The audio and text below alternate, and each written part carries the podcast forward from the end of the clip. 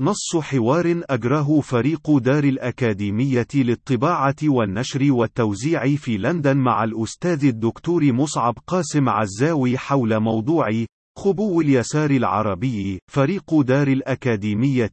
ما هي الأسباب برأيك التي قادت إلى خبو الفكر اليساري والتيارات اليسارية في المجتمعات العربية؟ مصعب قاسم عزاوي في العالم العربي لا يوجد فعليا ما يمكن تسميته يسارا سواء على المستوى الفكري أو السياسي إذ أن هناك شبحنا وحدا متسيدا اسمه الاستبداد وهو الذي لم يبق من المجتمعات العربية سوى هشيما وحطاما منزوعا منه كل شيء قد يتجاوز اللهاث اليومي المضني للبقاء على قيد الحياة في شروط معادلة الاستبداد الشامل عمقا وسط سطحا التي يعني عدم فهمها أو التحرك بموجب شروطها انزلاقا إلى حافة التغييب والإفناء الجسدي الذي يمثل الأداة الأهم للطغاة والمستبدين للحفاظ على هيمنتهم المطلقة على المجتمعات العربية والواقع أن جميع التيارات السياسية المؤدلجة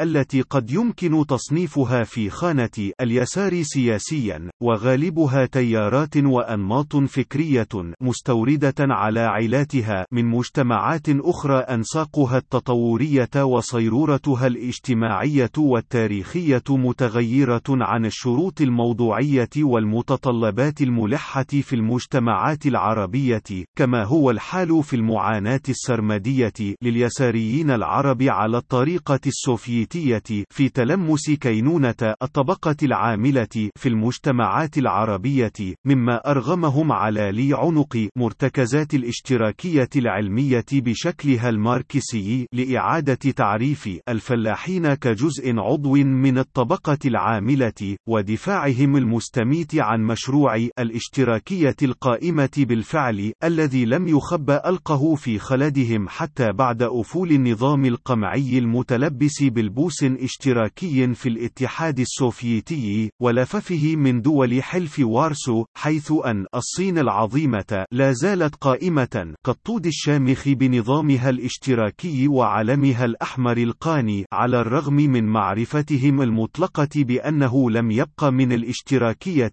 المزعومة في الصين سوى الحزب القائد للدولة والمجتمع و جهازه القمعي الوحشي المسؤول عن قمع أي انتفاضة عمالية في أي من المجمعات والمدن الصناعية العملاقة التي يعمل كل الم مقهورون فيها لصالح خدمة المصالح الرأسمالية الإمبريالية المعولمة وشركاتها العابرة للقارات وبأجور بخسة مضمونة بقوة حديد ونار جحافل جيشه الشعبي الأحمر التي تمنع أيا منهم من التفكر حتى في أحلام يقظته بتأسيس نقابة عمالية مستقلة أو الانزلاق إلى درك الخطيئة أكبر الكبائر مشخصة بإشهار العمال المظلومين المحصورين لسلاحهم الأوحد ألا وهو الإضراب عن العمل الذي لا جزاء له في القاموس الشيوعي الصيني سوى الويل والثبور وعظائم أمور دولته الأمنية القمعية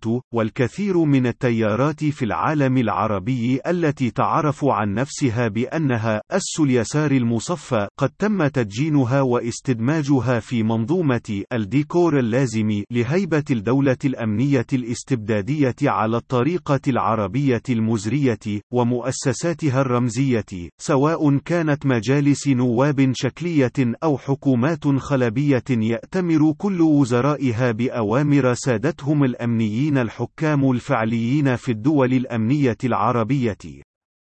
وفي الميدان الفكري المحض فهناك نموذج فكري سائد يعرف يساريته بشكل ضبابي لا لون له أو رائحة يخلط فيه الأفكار الغرائبية لما بعد الحداثة التي أعتقد بأن منتجيها قد لا يستطيعون فك شفرتها المافوق واقعية والتي معظم نتاجها المكتوب تم كتابته فقط لغرض الكتابة والتنظير الذي يمثل هدفا بحد ذاته بأنساق ليبرالية وأخرى ثوروية ماركسية على شكل لفيف مفروق لا يستقيم اجتماع جزيئاته لمراقب خارجي حصيف وهو ما يجعل من نتاج ذلك النموذج الفكري الفسيفسائي عصينا على التوطن وإيجاد متلقين له في العالم العربي لعدم تطابقه مع الحد الأدنى من المتطلبات الاجتماعية الملحة في الواقع العربي التي تقتضي الاجتهاد الفكري لإيجاد أدوات معرفية وتنويرية لا غنى عنها في أي مشروع نهضوي انعتاقي يخرج تلك المجتمعات المضنات قليلا أو كثيرا من واقعها المغرق في مأساويته عمقا وسطحا وعموديا وأفقيا.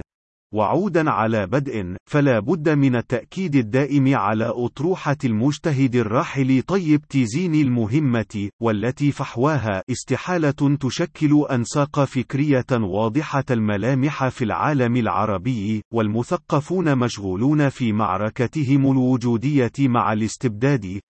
وهي مقولة ذات أهمية استثنائية في تكشف الواقع المرير الذي يعانيه المثقفون الحقيقيون في العالم العربي، والذي يرغمهم على توجيه كل طاقاتهم الفكرية واجتهادهم الفكري إلى خضم معركة يومية سرمدية للبقاء على قيد الحياة، وجلجلة لا مهرب من أخاديدها الشائكة لإيجاد فسحة للتفكير والكتابة، ومن ثم تم إيجاد منبر لإيصال تلك الأفكار الخديجة إلى حاضنتها الاجتماعية الضرورية التي لا يمكن أن تنضج دونها وهي في غالب الأحيان ضامرة وواهية وواهنة جراء ما تعرضت له من قصف وعسف منظم يقوده الاستبداد المقيم وجلاوزته المخضرمون في فنون الترهيب والتعذيب.